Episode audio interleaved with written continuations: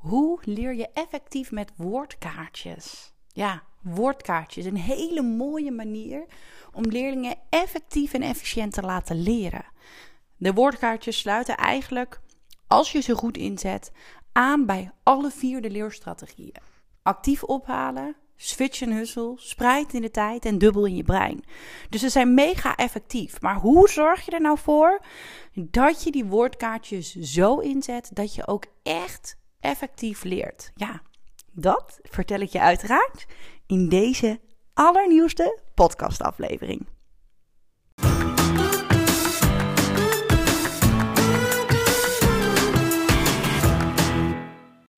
Hey, wat leuk dat je luistert naar de podcast van het Leerlab. In deze podcast leer ik docenten, mentoren, coaches, SLB'ers, LOB'ers. Ja, je zou kunnen zeggen, eigenlijk alle onderwijsprofessionals die je kan bedenken, alles over leren, leren en plannen. Wat zegt de wetenschap? Wat zeggen de onderzoeken over deze onderwerpen? Maar eigenlijk het allerbelangrijkste, hoe vertaal je dat naar de praktijk? Ja, ik ben Laura en met het Leerlab heb ik een grootse missie. Ik wil impact maken. Ik wil dat alle leerlingen in Nederland en België leren, leren en plannen. En om deze missie te bereiken ben ik heel actief op Instagram en maak ik elke zondag, bijna elke zondag, deze podcast. Ik hoop je te inspireren, maar ik hoop je vooral in beweging te krijgen, zodat het leren en plannen makkelijker wordt voor jouw leerlingen. Ja, mocht je een vraag hebben over leren, leren, plannen, motivatie, concentreren, stuur dan een mailtje naar info@leerlab.nl, want ik vind het juist heel erg leuk om de vragen van de luisteraars te beantwoorden. Dus heb je een vraag, stuur hem naar info.leerlab.nl. En wie weet hoor jij hier binnenkort in de podcast jouw vraag met daarbij het antwoord. Hey, uh, ja, daar zijn we weer. Een nieuwe podcastaflevering. En ja, zoals ik in de tune altijd zeg, dat de podcastaflevering op zondag online komt. En normaal gesproken komt hij altijd één minuut over tien online. Ja, deze keer even niet. Want heel eerlijk gezegd, deze week was, afgelopen week was fantastisch. Heel veel gedaan. Heel veel ja, dingen weer uitgezet. En uh, uh, we zijn echt weer aan het vlammen en knallen met het leerlab. En dan komt dus iedere dag op mijn to-do-lijstje podcast opnemen, podcast opnemen. Maar er komen zoveel toffe en te gekke dingen iedere keer tussendoor. Dat die podcast dan een beetje, nou ja, ondersneeuwt of zo. Dus um, iets later dan dat je normaal van me gewend bent, een podcastaflevering. Maar ja, ik zeg maar zo, beter... Uh, laat dan nooit. Dus vandaag ook weer een heerlijke podcastaflevering. En deze gaat over effectief leren met woordkaartjes. Um, woordkaartjes zijn helemaal de bom, zeg ik wel eens. Want ze sluiten gewoon aan bij alle vier die effectieve leerstrategieën. En woordkaartjes kent iedereen wel, maar het is dus niet zo. En het werkt ook echt niet zo dat jij je leerlingen zegt: joh, je kan met woordkaartjes of met flashcards leren succes. Want als we kijken naar hey, hoe gaat het leren? Hoe werkt dat nou precies? Dan weten we dat het van belang is om onze leerlingen uit te leggen hoe leren werkt. Maar moeten we ze dus ook echt instructie geven over leren? Dus wil jij dat jouw leerlingen met woordkaartjes gaan werken, dan is het van belang dat jij inzet in de vier verschillende fases van het aanleren van deze effectieve leermanier. En daarin moet jij echt voordoen. Je bent echt een, ja, een voorbeeld, dus jij moet laten zien hoe kun je dat doen. Tuurlijk, de meeste leerlingen zullen echt wel kunnen begrijpen dat ze een vreemde taal, eh, Nederlandse woord aan de ene kant, Engelse woord, Franse woord, Spaanse woord, noem het maar op, aan de andere kant. Maar die woordkaartjes kun je op zo heel veel verschillende manieren nog veel meer inzetten. En dat zorgt er echt voor dat jouw leerlingen effectiever en efficiënter gaan leren.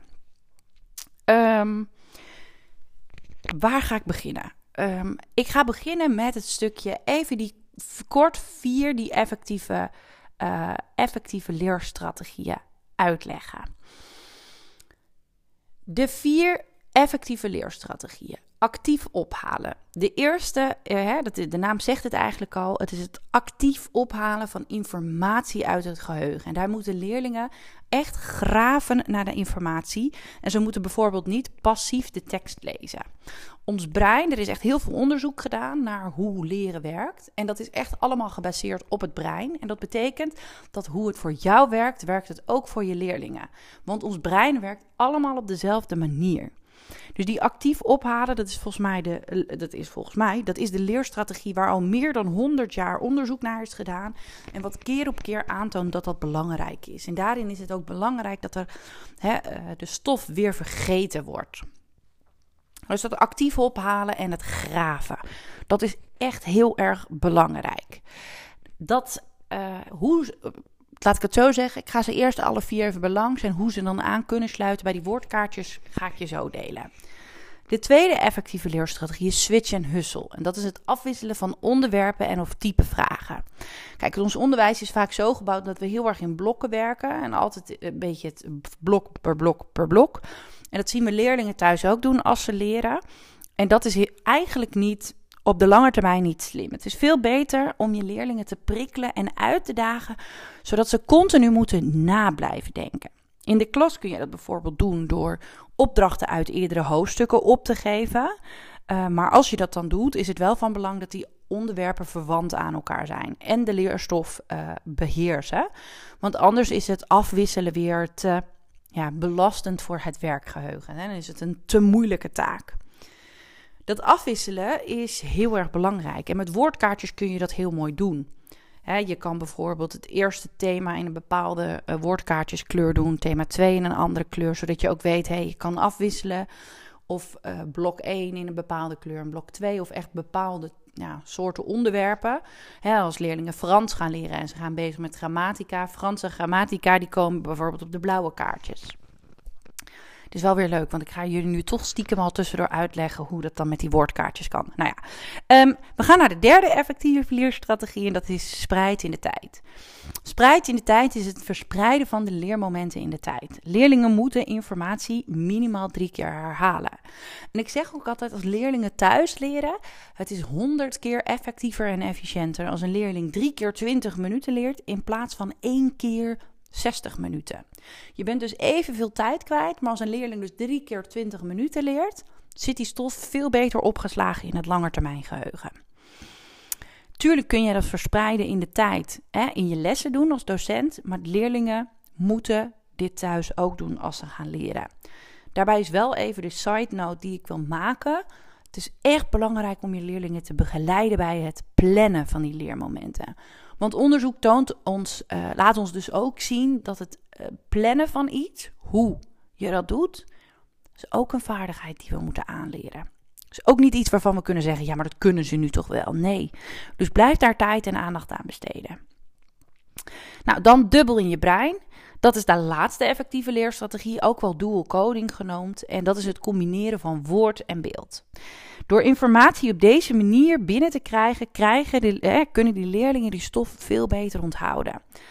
Ene werkruimte, eh, ons werkgeheugen bestaat uit twee werkruimtes. En de ene kant eh, verwerkt woord, uh, geschreven en gesproken. En de andere kant doet beeld. En dat is, uh, het kunnen plaatjes zijn, video's, gebeurtenissen, dus waar we echt een beeld van hebben. Jij kan als docent natuurlijk heel erg gebruik maken tijdens je instructies van deze effectieve leerstrategie, zodat ze beter leren. Maar leerlingen kunnen deze strategie ook inzetten. Nou, en dat koppel ik dan direct wel even aan die woordkaartjes. Want die woordkaartjes of flashcards, hoe je het maar wilt noemen, daar kunnen leerlingen ook prima kleine afbeeldingen of pictogrammetjes of tekeningetjes op maken. Heel simpel. En tuurlijk hoor ik dan, ik hoor de Mitse en Mara al, want die hoor ik ook als ik op scholen kom om workshops te geven, om, nou, noem het maar op. Um, helemaal leuk, maar um, je moet niet zo moeilijk denken. Ja, dan ga ik even heel streng zijn. Want wij denken vaak veel te moeilijk, maar leerlingen hebben echt wel een bepaald beeld bij iets. Zij moeten een tekeningetje maken die voor hun past bij een bepaald begrip, bij een bepaald woord. Um, En dan zullen ze die stof dus ook echt veel beter onthouden. Dus als je bijvoorbeeld met woordkaartjes wilt gaan werken in je lessen aankomend schooljaar, hartstikke top. Maar geef leerlingen ook de mogelijkheid om die woordkaartjes dan zo te maken en te ontwerpen dat er afbeeldingen en tekeningetjes bij komen. Um, omdat het er gewoon voor zorgt dat ze beter zullen leren. En daar begint het eigenlijk al. Hè? Als, ik, als, ik, als jij besluit aankomend schooljaar te willen gaan werken met uh, woordkaartjes, dan ben ik helemaal blij. Maar het is niet zo dat je zegt: jongens, je kan op deze manier woordkaartjes gaan maken. Ga dat thuis maar maken en dat het de huiswerkopdracht is. Nee, dan zal jij tijd en ruimte in je lessen moeten vrijmaken om je leerlingen uit te leggen hoe het werkt, om ze te ondersteunen, om feedback te geven op hun woordkaartjes. Om op het bord te laten zien hoe jij die woordkaartjes maakt. Het is niet vanzelfsprekend. En daarnaast zou ik, zo, zou ik je ook het advies mee willen geven om als jij met woordkaartjes aankomend schooljaar wilt gaan werken, maak dan niet alleen tijd en ruimte om ze in de les te maken. En hoe doe je dat dan? Maar zorg er ook voor dat je in je les tijd en ruimte maakt om in de les met die woordkaartjes te gaan leren. Alleen in tweetallen en dat hoeft echt geen half uur te duren. Ik deed dit ook in mijn lessen. Als ik Engels gaf, want ik heb uh, onder andere in het uh, basisonderwijs gewerkt, groep 8, ik gaf Engels. En daar maakten mijn leerlingen in de Engelse les woordkaartjes. En elke Engelse les begonnen we met het leren van die woordkaartjes. En de ene keer koos ik ervoor, ga het maar in je eentje doen. En de andere keer liet ik het, ga het maar in tweetallen doen. Het is ook maar net waar je in het schooljaar zit, wat fijn is en wat goed uitkomt. En ook hoe ver je natuurlijk in je klassenmanagement en organisatie bent. Hoe is de vibe en de sfeer in de klas? Wat lukt wel? En hoe zorg ik er ook voor dat het dan echt goed lukt? Maar oh, dit mythes, jongens. Dit is echt zo belangrijk om dit te integreren in je les. Want dan pas zullen leerlingen het nut ervan inzien. En dan pas zouden, eh, kunnen zij ook die vertaalslag maken nadat ze thuis gaan doen. Want als ik docenten uit het onderwijs spreek, dan hoor ik zo ontzettend vaak dat, uh, dat ze dus wel uh, um, dat willen.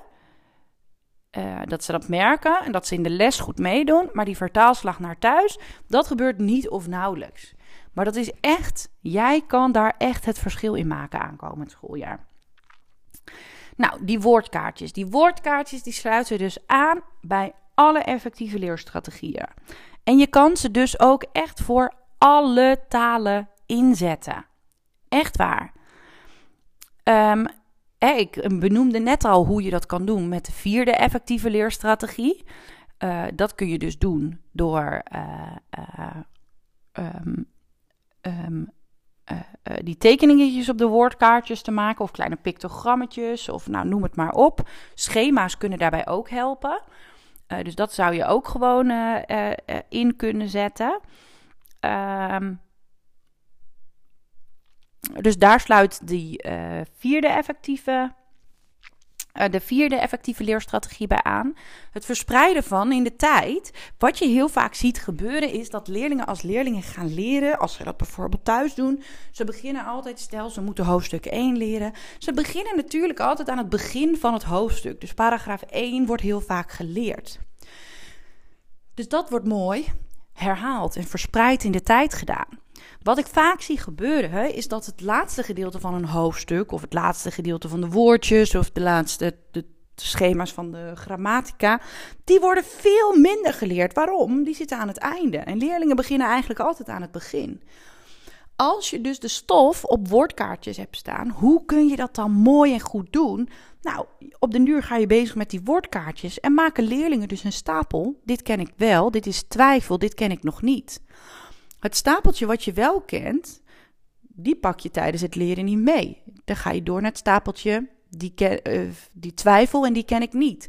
En uiteindelijk wordt dat stapeltje wat je um, de, qua stof wel kent, steeds groter en groter. Tuurlijk, als ik dan morgen weer 20 minuten ga leren, pak ik wel het hele stapeltje, maar kan ik wel direct weer een verdeling maken. Dit ken ik, dit is twijfel, dit ken ik niet. En dit is heel erg belangrijk. En dit zorgt er ook echt voor dat leerlingen effectief en efficiënt gaan leren. Waarom? Wij mensen vinden leren heel fijn, maar wij mensen, ons brein is wel zo gemaakt dat we gaan voor de makkelijke weg als het gaat om leren. Wij vinden het fijn als we uh, het ons zelf een goed gevoel geeft of als leren makkelijk voelt. Maar onderzoek toont aan, leren moet juist moeilijk voelen.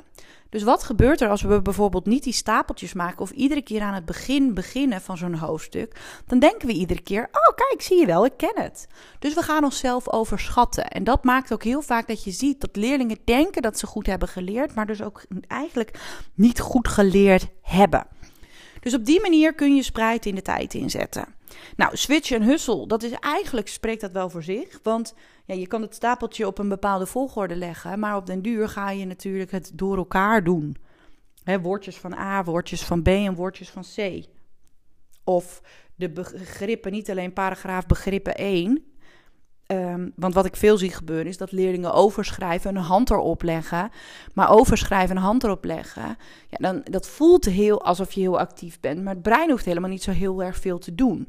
Dus door die woordkaartjes in te zetten en dat helemaal zo te husselen iedere keer, te switchen en husselen, moet het brein iedere keer nadenken.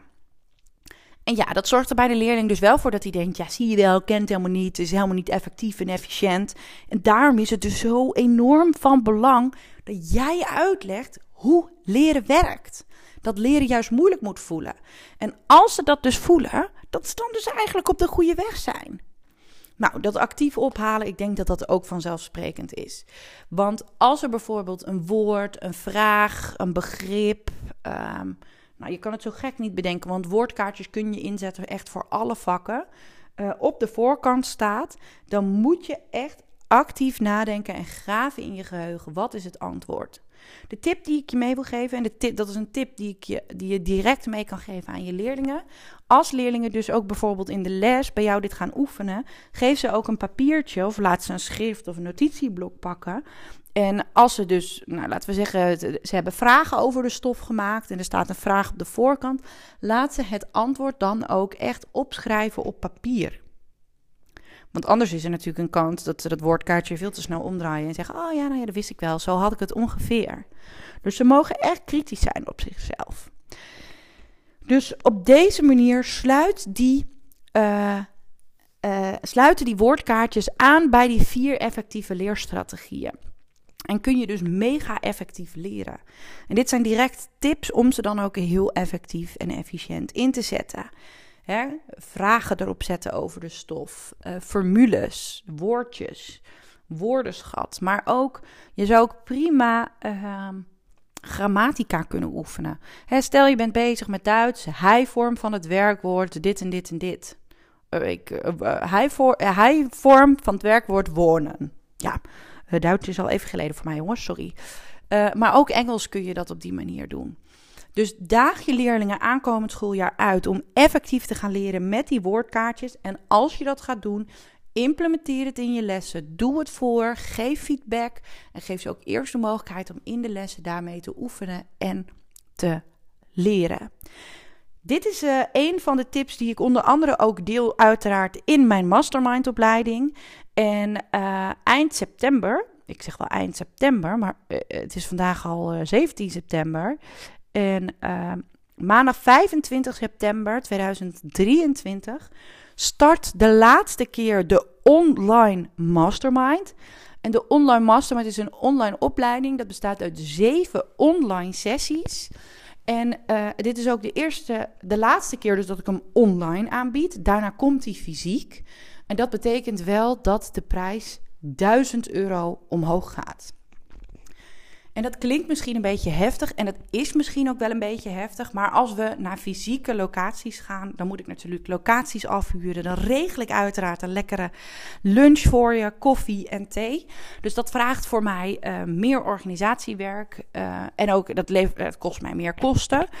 Maar daarnaast, uh, als die fysiek wordt ik eh, sprak vorige week mijn business coach en die zei: Laura, vraag je er echt maar 997 euro voor? Dit is echt een veel te laag bedrag. Je bent echt helemaal gek, want je geeft zoveel waarde. Je geeft zoveel waarde in die opleiding. In die opleiding, als je die hebt gevolgd, levert het erop dat jij een leerexpert bent in de school. En dat je in je lessen je leerlingen gemotiveerd krijgt, maar ook, je docent, ook de docenten. En het leuke is, er is een soort 2.0 opleiding en dat is een train-de-trainer opleiding. Als je onze mastermind opleiding hebt gevolgd, dan mag je, als je wordt uitgenodigd door mij uiteraard, meedoen met onze trainde trainer opleiding. En dat betekent dat je in heel Nederland en België uh, na het volgen van de mastermind en de trainde trainer een trainer wordt van het leerlab en ons mag helpen met het verspreiden van de missie. Alle leerlingen in Nederland, België leren, leren en plannen. Dat betekent dat je workshops mag geven, inspiratiesessies, lezingen. Want we kunnen echt ik heb jullie nodig, dat zeg ik altijd. Ik heb jullie nodig om deze missie te verspreiden, om echt impact te kunnen maken. Dus denk je nou, ha, dat trainer trainer lijkt mij ook echt heel tof.